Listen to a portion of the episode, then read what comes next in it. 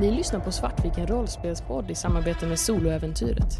Det här är avsnitt 4 av Haugen sanatorium. Del 2 i kampanjen Insnöad.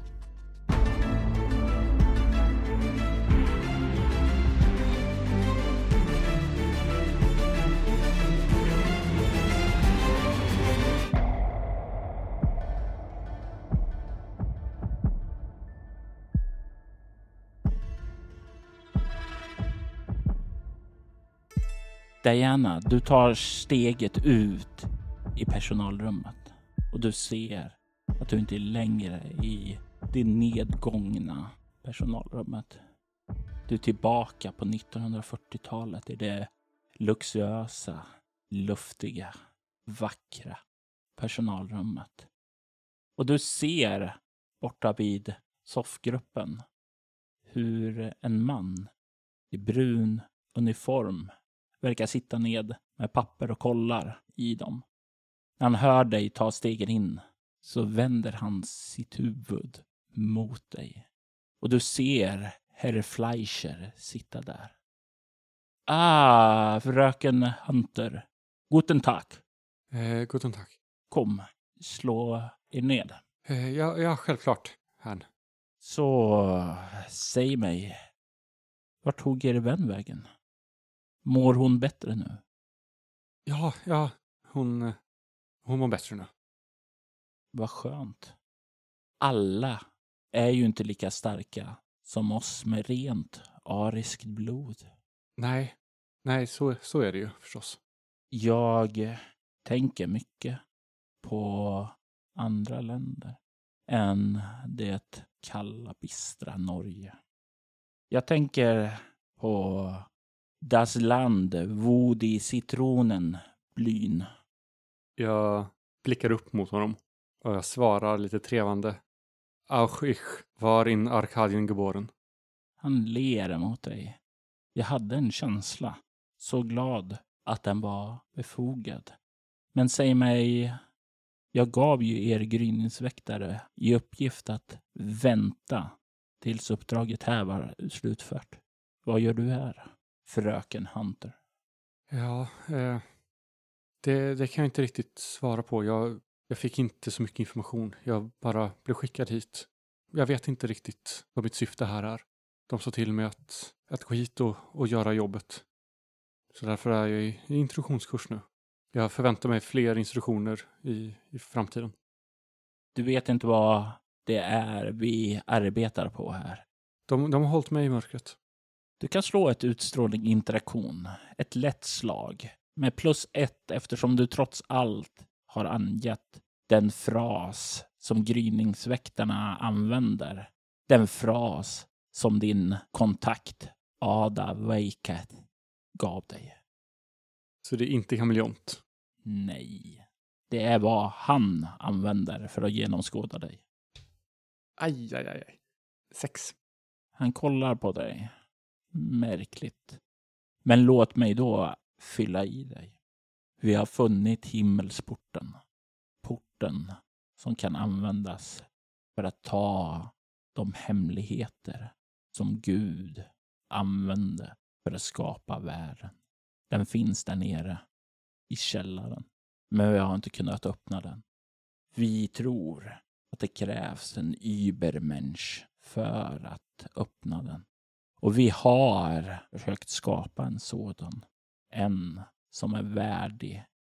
En med tillräckligt kraftfullt ariskt blod så att porten kan öppnas och vi kan vandra in i himmelriket och ta Guds hemligheter.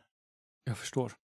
Vilka framsteg har vi nått i skapelsen av den perfekta ariska individen? Vi har ett nere i källaren nu under utveckling. Vill du se det? My mycket gärna. Mycket gärna. Jag är oerhört intresserad av det här. Följ med mig. Ytterdörren ut från allting. Fanns det glas i den? Nej.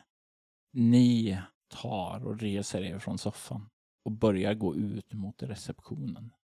Ni passerar förbi receptionsdesken där Kristin Årud sitter. och kollar upp emot er, men kollar lika fort ned när hon ser att det här Fleischer leder dig. Och ni vandrar in i den manliga avdelningen. På väg bort mot uppehållsrummet, in i biblioteket bortom det och sedan nedför trappan mot källaren. Bjarne, du öppnade kassaskåpet och in i det så kan du se att det bara ligger en sak. Du ser hur Astrids halsmycke ligger där inne hos dig. Och jag sköljs över minnet när jag dödade henne. Det kryper i hela kroppen men måste ta det. det, jag måste. Det, det är det hemskaste minnet som jag har och det vackraste minnet från henne. Så jag tar tag i halsmycket och stoppar på med det i en ficka. Och i samma ögonblick så bländas du av det starka ljuset som finns i kontoret. Det är upplyst. Det ser inte alls likadant som du gjorde alldeles nyss, utan det ser nytt, fräscht ut. Och du kan se en man. Du kan se doktorn stirra förskräckt på dig där han sitter bakom skrivbordet. Bjarne, hur, hur, hur kom du hit? Du får inte vara här! Bara skaka på huvudet. Inte du igen. Han reser sig upp och du kan se hur han slår på en knapp och du hör en larmklocka börja ringa. Jag rusar ut ur rummet och puttar honom åt sidan. Ja, du rusar ut och kommer upp i den här upplysta, upplysta salen. Du kan se dörren vidare ut som står stängd. Längre bort så kan du se den där kranen med vatten och den här gurglande brunnen. Ja, det röret. Ja, precis. En brunnen, alltså en liten sån här avloppsbrunn. Och jag inser återigen att eh, snart är de här. Jag måste antingen hitta något vasst eller så tar jag den jävla doktorn som gisslan. Och den här gången tänker jag inte döda den. Du har ett ögonblick att välja. Vad går du efter? Vapen eller doktorn? Jag, vapen. Någon eh, skalpell. Du börjar rusa bort till bordet och dörren öppnas. Diana, du har vandrat ned för källartrappen med Günther Fleischer. Du kommer ner i ett rum, ganska stort tomt rum. Dörr till vänster, dörr till höger och en dörr rakt fram. Alla är rejäla ståldörrar, inte någonting du skulle kunna sparka upp. Han kliver framåt den vänstra dörren, öppnar den och du ser han plötsligt drar sitt vapen. Bjarne, du får tag i en skalpell när dörren dras upp. Jag duckar ner bakom det här operationsbordet. Du duckar ner där och du hör Günthers röst och säger Halt Bjarne! Halt! Och du känner igen rösten. Rösten från telefonsamtalen som plågade dig hemma. Återigen fylls jag av den här ilskan. Den djupblodade ilskan under mig, men jag vet att han har ett vapen. Jag vet vad som hände sist. Så jag måste vara mer försiktig. Jag tittar upp på honom. Du kan se hur han riktar sin dragna lugerpistol emot dig. Och bakom honom så kan du se hur hans kollega står bredvid. Du kan se en person i sjuksköterskeuniform. Du kan se Diana stå där tillsammans med Günther. Jag stannar upp. Skalpellen i högsta hugg tittar liksom upp från bordet, fortfarande skydd, men tittar förvirrat på Diana. Du! Du har ingenstans att fly. Res dig upp, Bjarne. Raus, Bjarne. Raus! Säg inte det där till mig igen! Är vi fortfarande i 40-talets version? Ja, Har jag på mig sjuksköterskekläder? ja. Jag går fram och ställer mig strax bakom den här eh, mannen och för min hand upp bakom honom. Och han verkar inte reagera på det. Han känner sig trygg vid dig. För du har ju gett den där frasen som har skapat tilltro till honom. Sen för jag handen och armen framåt snabbt. Och i rörelsen så greppar jag hans huvud och drämmer den allt vad jag kan in i dörrkarmen. Och du ser hur Günther medvetslös faller till marken. Jag ställer mig fortfarande väldigt förvirrat ut, men eh, Du kan också nu höra en sak, Diana, som Bjarne redan hör. Att det ringer en ringklocka inifrån, som att larm har aktiverats. Jag sätter mig på huk och plockar upp eh, vapnet. Pistolen. tack! Tack! Eh, det finns en läkare där inne. Vad gör du här? Skitsamma! Det kommer komma fler vakter. Det är någonting som känns annorlunda med Björne. Du får en känsla som har fått dig att skygga undan tidigare. Det utstrålar en oerhörd själskraft ifrån Björne. En själskraft som skulle skada dig om han kom för nära. Jag håller kniven, eller jag håller i en skalpell och pekar in mot, eh, mot ett kontor. Det, det är en doktor som ringde på vakten där inne. Du är kompetent, jag vet inte, ska man göra något av med honom eller ska vi bara ta oss härifrån? Du ser hur jag avvaktar och tittar på dig. Hur kom du hit? Skitsamma, vi måste ta oss härifrån. Hur kom du hit? Vad gå- gör du i det här rummet? Jag börjar gå mot dig med skalpellen, vi måste ut härifrån. Jag riktar pistolen mot dig. Stå still och berätta för mig, hur kom du hit? Hur kom du till det här rummet? Jag börjar ta mig för på kläderna som att jag letar efter en ficka eller något. Och sen så drar jag upp ur ena fickan ett halsband med en röd, storröd sten i.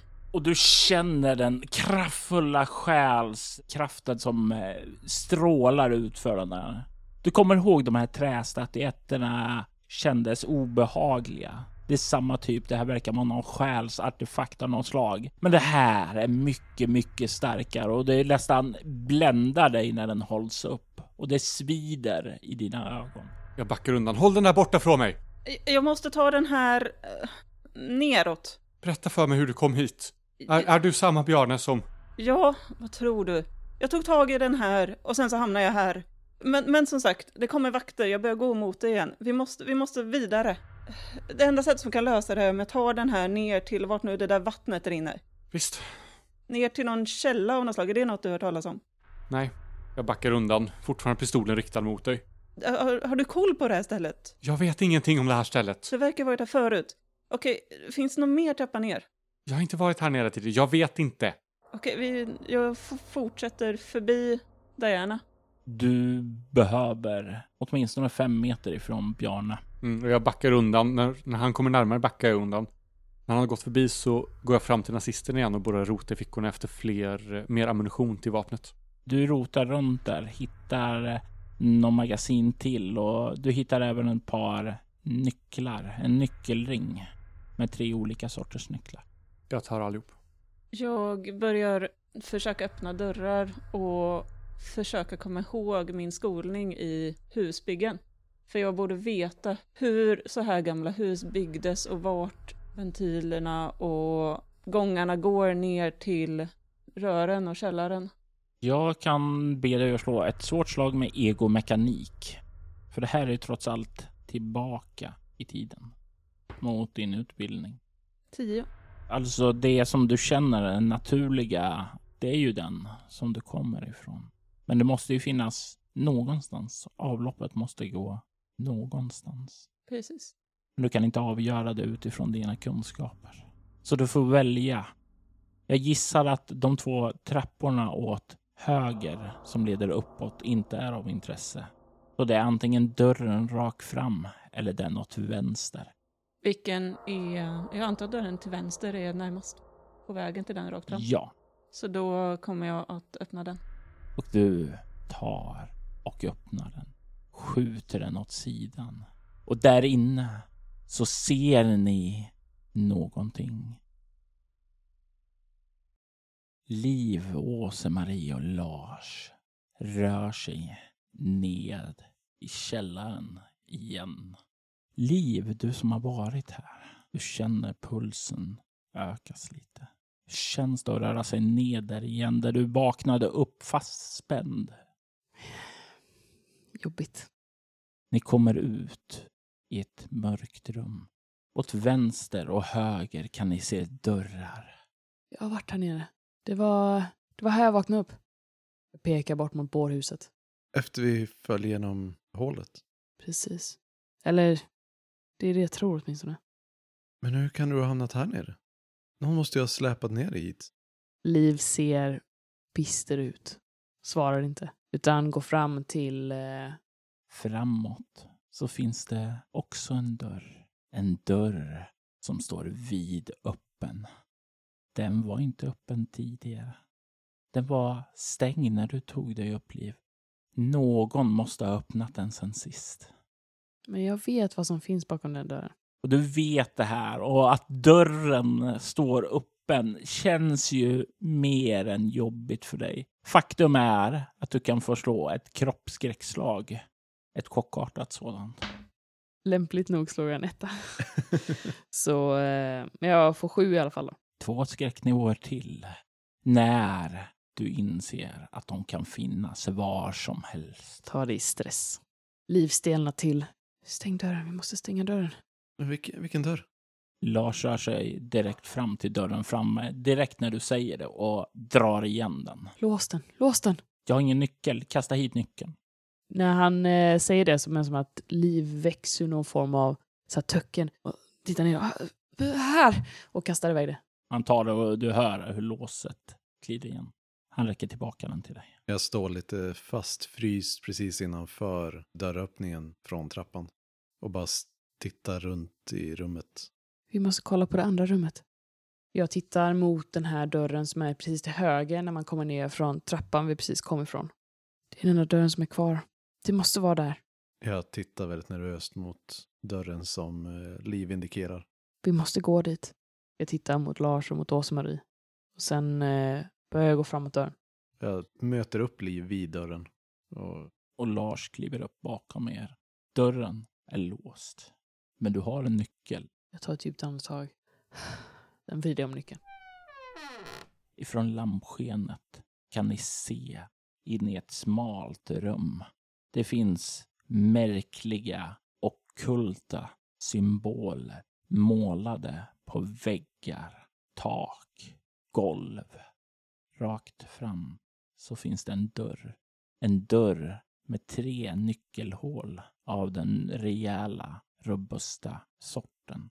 Samma sort som ni har öppnat den här dörren. Jag tittar runt på de här symbolerna och sen tittar jag mot Lars och Åsa-Marie som man så här. Vet ni vad? Kan jag förstå någonting av de här eh, symbolerna? Du kan slå ett ego-ockultism och det kommer även Lars vilja göra. Och läshuvud är inte Nej, tio. och nu är inte du den som har läst mycket om ockultism och sådant, men eh, du kan tro det. Jag, ja, det skulle kunna vara någon typ av skyddsrunor. Men det verkar inte från en kultur i sig, utan det verkar komma från flera. Som om någon kastat in alla typer av skyddssymboler den kunnat hitta.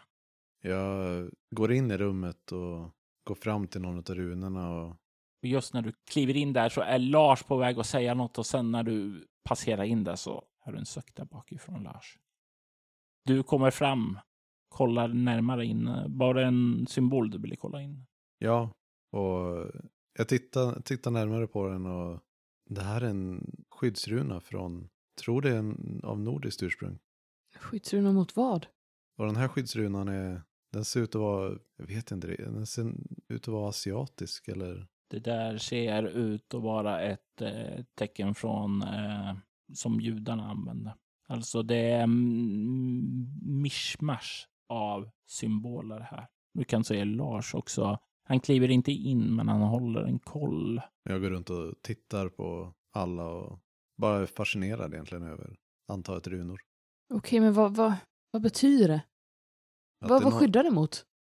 att det, det måste vara någon som har varit väldigt rädd för någonting.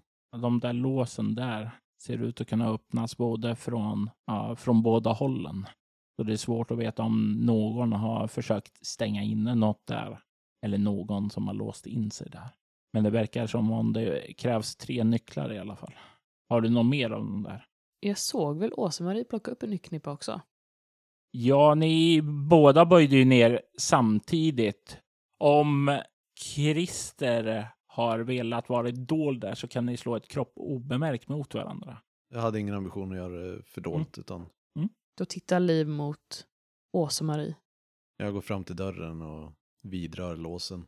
Du känner den kalla stålet där. Jag plockar fram min nyckel och går fram.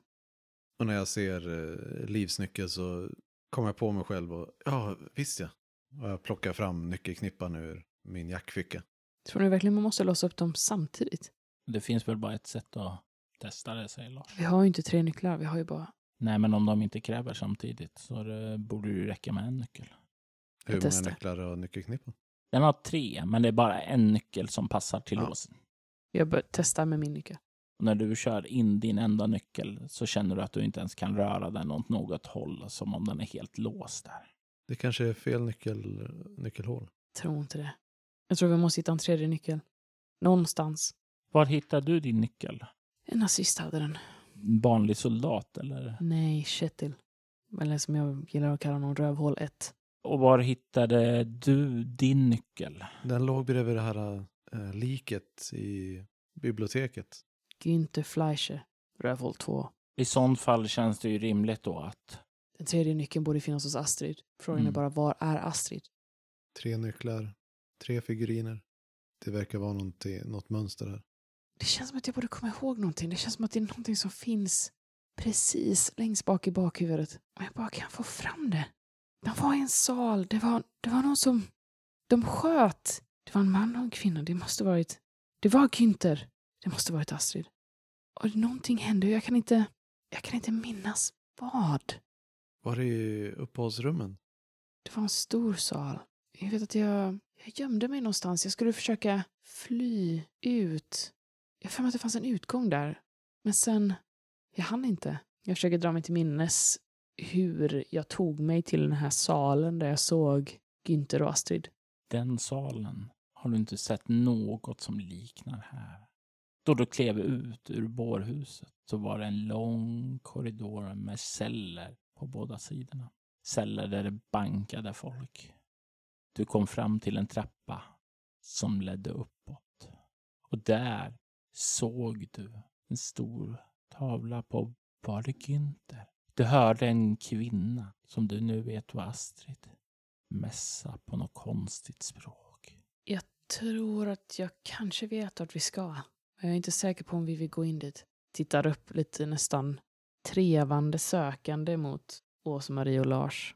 Jag tittar tillbaka frågande på, på Liv. Det är dit vi stängde och låste. Vi kommer behöva ta med oss ett par nycklar. Eller åtminstone plocka bort de andra två nycklarna från nyckelklippan. Jag vänder mig om och börjar plocka loss de nycklarna som gick mot den tunga dörren som Lars låste. Få loss den. Okej, följ mig. Jag går tillbaka till rummet där vi kom ifrån. Fram till den stora dörren som eh, jag bad eh, Lars låsa precis när vi kom ner. Och framför dig, när du kliver ut där, så ser du någonting nytt. Något som inte var där när du klev in. Bjarne, ni öppnade dörren framåt. Och innan ni riktigt ser någonting där så hör ni skrik från cellerna som finns där inne. Ni hör folk som kör sitt huvud in i dörrarna, bankar på väggarna, skriker med hesa röster. Vansinnet är starkt här inne och ni hör ben som knakar, spräcker. Ni känner doften av svett, blod och urin blandas samman med någon form av primal doft. Var befinner sig de här människorna? Är de i celler eller är de bakom stängda dörrar? De är i rejäla, jag tänker ståldörrar med fönster med järngaller i. Den här galler alltså? Ja. Själva dörren är ju helt i stål Mm. förutom fönstret som är galler. Jag har, står stilla med eh, skalpellen i ena handen och den handen som jag använder för att öppna dörren håller jag nu bara för min egen mun. Finns det någon väg genom här? Du ser tre celler åt vänster och tre celler åt höger. Och i slutet så tar det bara stopp i en vägg. Hur många personer är här inne? Går du fram och kollar in? Ja. Du kikar in den första. Två stycken i en cell. De verkar relativt lugna. De står huvud mot huvud och tuggar på varandras ansikten. Hur många kulor har jag i magasinet? Vad har du i avståndsstrid? Fyra. Du kan se att du har sju kulor. Plus jag hittar några magasin till. Du hittar ett magasin till. Jag tittar på Björne. Gå ut härifrån. Jag, jag tvekar inte, jag bara vänder mig med ryggen mot väggen utanför. Och just när du vänder dig om så skiftar miljön för er båda. Diana, du kan plötsligt höra ett ljud inifrån och du hör hur det börjar banka och slå på, på celldörren. Vad gör du? Dörren är fortfarande stängd liksom. Ja, Va- Jag tittar in. Vad ser du jag? ser och du nästan känner den här känslan av stark själsenergi som slår emot dig. Du ser de här två personerna som nyss stod och tuggade på varandras ansikten. De har förvandlats till den här varelsen som eh, du såg på obduktionsbordet. En liknande varelse. De kastar sig fram emot där, mot dörren och du känner hur den brakar till och murbruket liksom ger, inte vika, men du ser nästan så här dammet eh, drar ut från det och du känner hur närvaron bara det bränner mot ditt skinn och du tar ett kryss i kropp när du är för nära dem. Jag backar undan. Jag backar undan ut ur cellrummet. Sen och s- slår igen dörren. Jag hjälper Diana, precis när Diana kommer ut så hjälper jag till och stämma igen dörren. Och ni vänder er sedan bort och kan se dörren åt höger står öppen. Och framför er så ser ni Liv, Åse-Marie och Lars. Liv, Åse-Marie och Lars tog er ut från den där ritualkammaren. Och ni ser där framför dörren in till rummet ni var på väg till hur det står två personer där som verkar nyss ha slagit igen dörren. Ni kan se hur Bjarne och Diana står där. Jag är helt likblek i ansiktet. Jag darrar i hela kroppen och svettas. Bjarne, Diana, vart har ni varit? Vi måste härifrån! Bjarne är knallröd i ansiktet och håller i en skalpell och sen så bara tittar han i panik på er och förstår inte. Monster där inne! Ja. Eh, barrikadera! Jag håller mig på ett behörigt avstånd från Bjarne, närmare fem meter. Du kan se när du säger det så Lars börjar röra sig bort emot bårhuset för att hämta någonting och dra före. Han äh, agerar direkt när du säger det. Vi, Jag- måste, vi måste ner. Så, var det ner? Ner till sjön? Jag, jag, jag har den här medaljongen. Jag backar undan ännu längre. Den, den satt på mm, kvinnan. Hon kallar sig Astrid. Jag tror att det är den som är någon slags skärva som jag ska ta. Är någon källa. Vart är nyckeln? Till själarkällan? Precis, precis. Du Okej. vet vad den är? Nej, men jag... Jag har nycklar från, från den blonde nazisten. De borde Den- leda var som helst. Den blonda nazisten. Günther. Fletcher, Günther, något sånt där. De, bo, de borde leda var som helst. Jag Så då har håller, vi tre par nycklar. jag håller upp eh, nyckelknippan som jag hittade vid kroppen och, och tittar på Liv. Men jag tror du sa att de här var från... Jag, De plock, är från Günther Fleischer. jag plockar upp mina också. Är det samma? De ser identiska ut. Ja. Men det kanske funkar ändå. Vi har tre nycklar. Ni vi hör, testar. ni hör fotsteg komma ned för trappen bort ifrån den manliga avdelningen.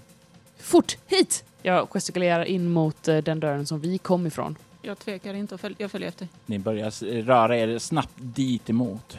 Ni kan ana ett starkt lysande sken därifrån. Jag går efter men backar efter er. Så jag tittar mot trappen och håller eh, pistolen redo. Ni hör braket av en celldörr som slås ut i korridoren bakom den stängda dörren. Den som eh, Lars fick i uppgift att barrikadera. Han är på väg ut nu med en av de här britsarna inifrån bårhuset. Och ni kan strax höra slammer mot den här större dörren. Snabba här, snabba er, snabba här! När jag ser att Lars är på väg ut så hjälper jag honom ut med båren för att hjälpa till att skynda på processen. Det där kommer inte hjälpa mot någonting. Kasta hit nycklarna. Jag kastar dit nycklarna. Bjarne, skit i det här. Gör det du ska. Jag går in i rummet med nycklar. eh, Jag med. nyckelordning. Och ut från trappan kliver en man med stora änglavingar. Du, Björne, känner igen Elliot från din tid på Haugen sanatorium 1944. Och du ser hur det lyser om honom samtidigt som vingarna är utspända. Du och Lars som har nyss dragit igen den här båren framför väggen ser honom väldigt klart. Han kollar på dig. Bjarne, min vän. Du är här. Du kan rädda oss alla. Hur då? Frälsningen finns bortom porten. Här, bergets hjärta. Jag bara skakar på huvudet och... Okej. Och han kliver fram emot dig och Lars som står vid porten. Och han kollar mot dig och ger dig en nick. Låt mig skydda er från bestarna, säger han och tar upp sina händer och lägger dem på järndörren. Mitt liv har sitt syfte. Att skydda dig, Björne. Gud kallar på dig.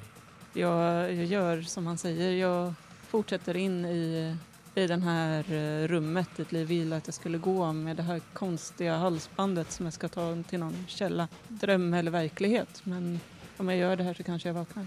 Ni alla rör er in i rummet där borta. Lars följer med dig. Och medan ni tar er in där så hör ni smällarna på dörren blir allt kraftigare. Och ni hör ifrån Uriel eller Elliot, beroende på hur man känner honom. Nästan en änglakör som börjar sjunga och hur ljuset blir starkare där. Från igen dörren bakom er. Ja, det gör jag. Jag går sist in. Jag pressar in nyckeln i det tredje hålet. Och ni som inte har varit här kan ju se in i ett rum som är täckt med massor med okulta symboler. Du känner ju igen det, Diana. Skyddssymboler för att hålla någonting ute, borta. Ljudet utifrån där ut när ni drar igen dörren och ni kör in alla nycklar. Och ni känner att om ni vrider dem simultant så kan dörren öppnas. Lars! Åsa-Marie! Lars Ja. rusar fram. Ja, jag förutsätter att jag redan har nyckeln i låset. På tre. Ett. Två. Tre. Tre. Det klickar till i den här tunga dörren ni står framför. Hur de tre låsen har öppnat mekanismen och hur det vid din sida, Åsa-Marie, går att dra upp den. Jag tar tag i den och börjar på att dra. Ni stirrar in i rummet och kan se att det verkar inte vara så mycket som ett rum. Som en halvfärdig halvfärdigt rum som slutar vid en bergvägg. Som en grotta. På grottans vägg så finns det många hällristningar. Ristningar som Åse-Marie från sina universitetsstudier känner igen att det härstammar från samerna. Allt det här verkar centrerat kring en uggla. Och det är då som Liv och du, Åsa-Marie, får en déjà vu. Ni har ju sett någon tidigare. Och ni kan inte riktigt säga varför, men ni är rätt säkra på att det är just den ugglan. I ugglans klor. För han har sina vingar utspända, ungefär som han flaxar. Så verkar han i sina klor hålla, ja, det verkar som en sten. En ingröpning i väggen. Framför den här väggen så sitter det en spröd kvinna i en gammal gul klänning. Den är dammig, nästan som spindelväv har börjat växa på henne. Kan se svag andhämtning från henne. Hon sitter med blicken fokuserad på den där hällristningen. Jag tar ett steg in i rummet med eh, halsbandet i ena handen så att det dinglar utanför och går långsamt närmare till den här kvinnan som jag har så många blandade minnen och känslor till. Sitter hon framför ugglan och har ugglan som en urgröpning som skulle kunna passa stenen i Det ser ut som urgröpningen i väggen skulle kunna göra det. Då går jag fram med halsbandet. Du börjar komma fram där så hör du hennes röst. Bjarne, kom. Förlåt. Och Jag hatar dig. Du, du måste stoppa det. Protomänniskorna får inte ta sig fria. Jag nickar och fortsätter förbi henne och sätter upp eh, stenen i halsbandet i Ugglans grepp.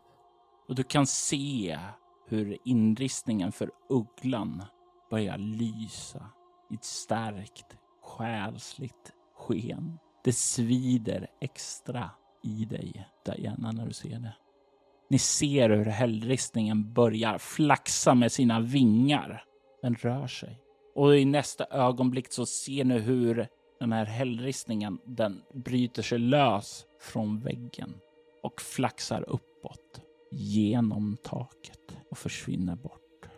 Där ugglan fanns ser ni nu två handflator. Jag eh, fortsätter nog framåt och sätter upp händerna mot handflatorna. Ni andra, vad gör ni?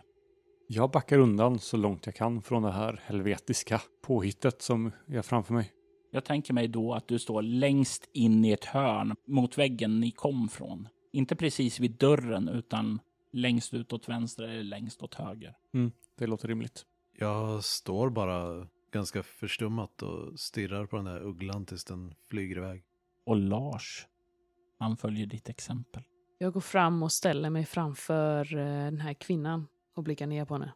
Hon kollar upp mot dig med en trött blick. Hon ser skör ut. Som om en puff på henne skulle få henne att falla i tusen bitar.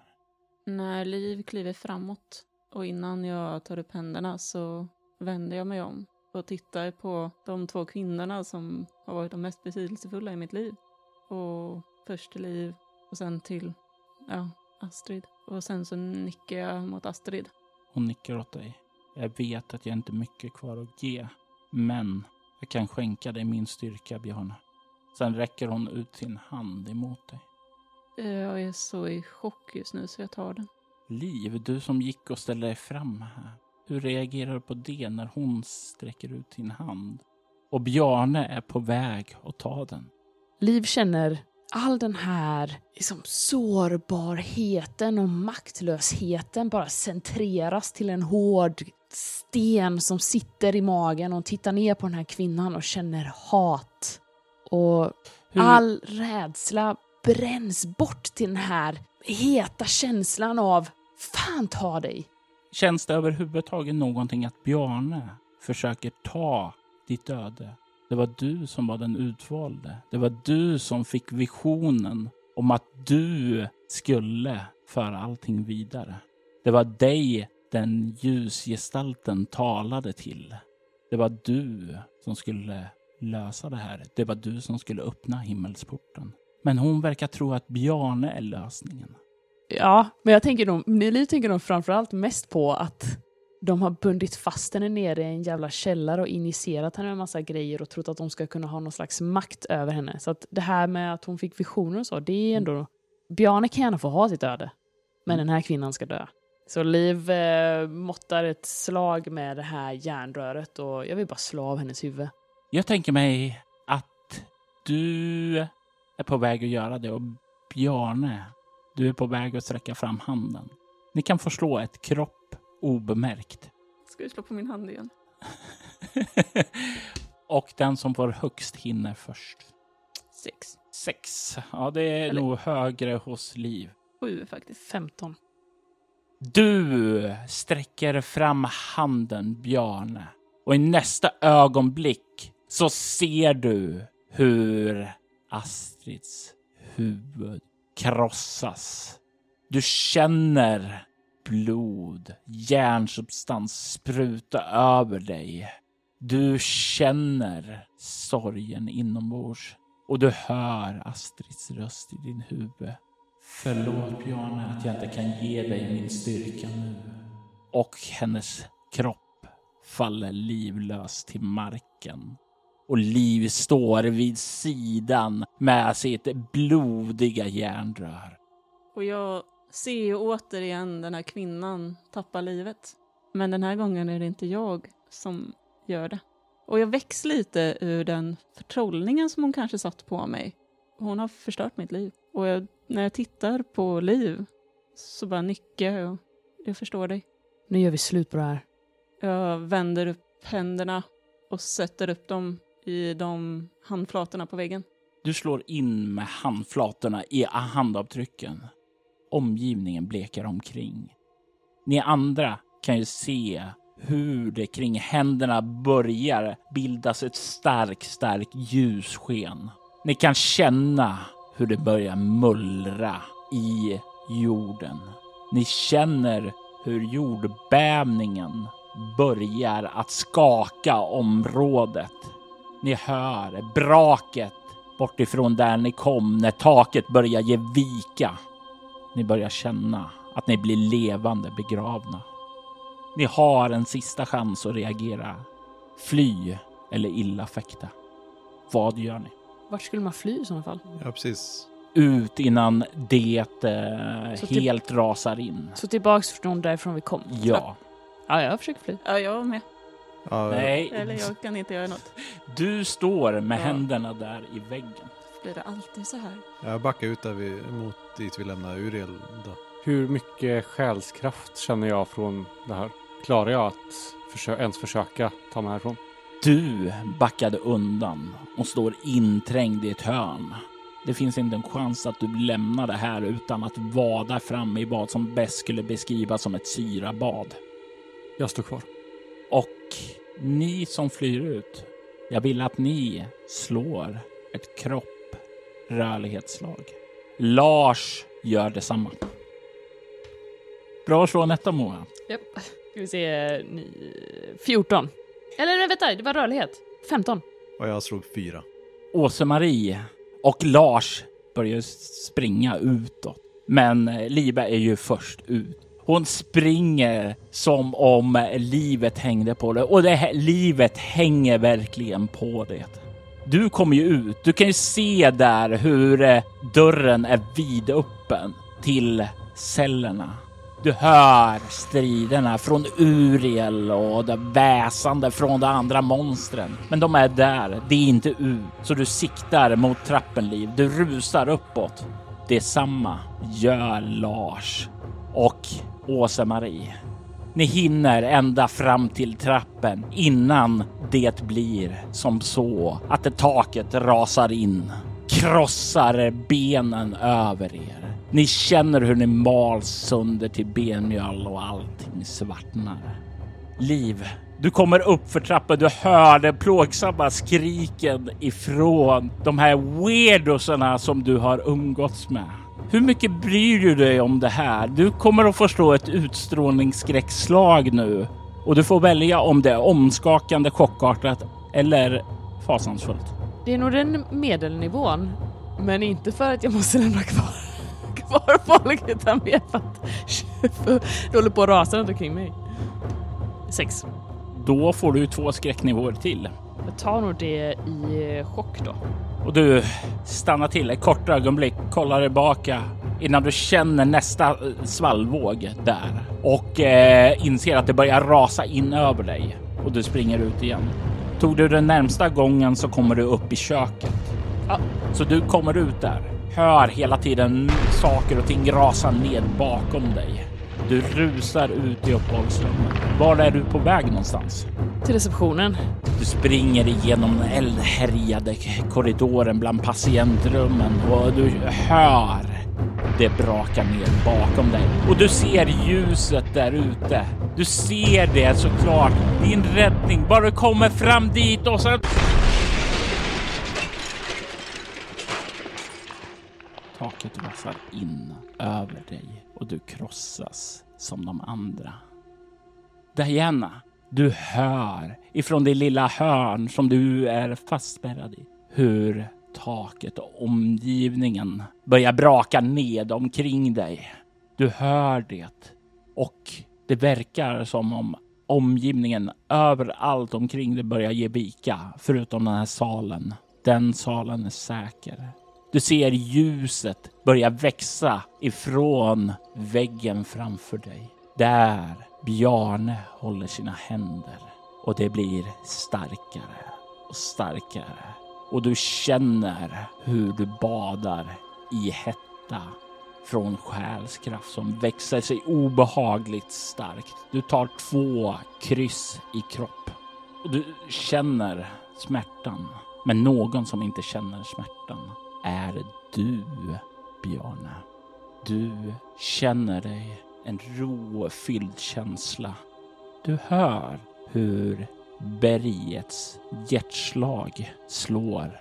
Du känner att du håller dina händer omkring ett hjärta. Jag tittar på det.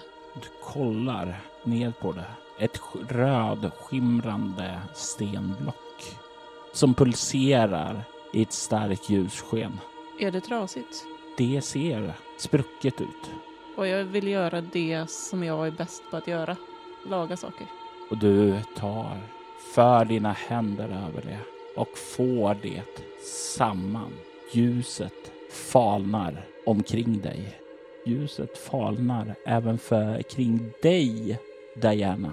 Du börjar kunna blinka och se igen. Ni båda står inne i rummet ni var. Ni kan se att vägen bakåt verkar ha raserats. Men framåt så kan ni se en sluttande gång som leder nedåt, djupare i bergen. Och mellan era fötter så ligger tre medvetslösa kroppar. Kroppen av Liv, Åse-Marie och Lars. Och där, med vägen ned i bergets djup, så lämnar vi er den här gången. Ni har lyssnat på Haugen Sanatorium med oss, Svartviken rollspelspodd i samarbete med Soloäventyret. Äventyret är andra delen i kampanjen Insnöad. Rollspelet Bortom är skapat av Robert Jonsson och musiken är gjord av Alexander Bergil.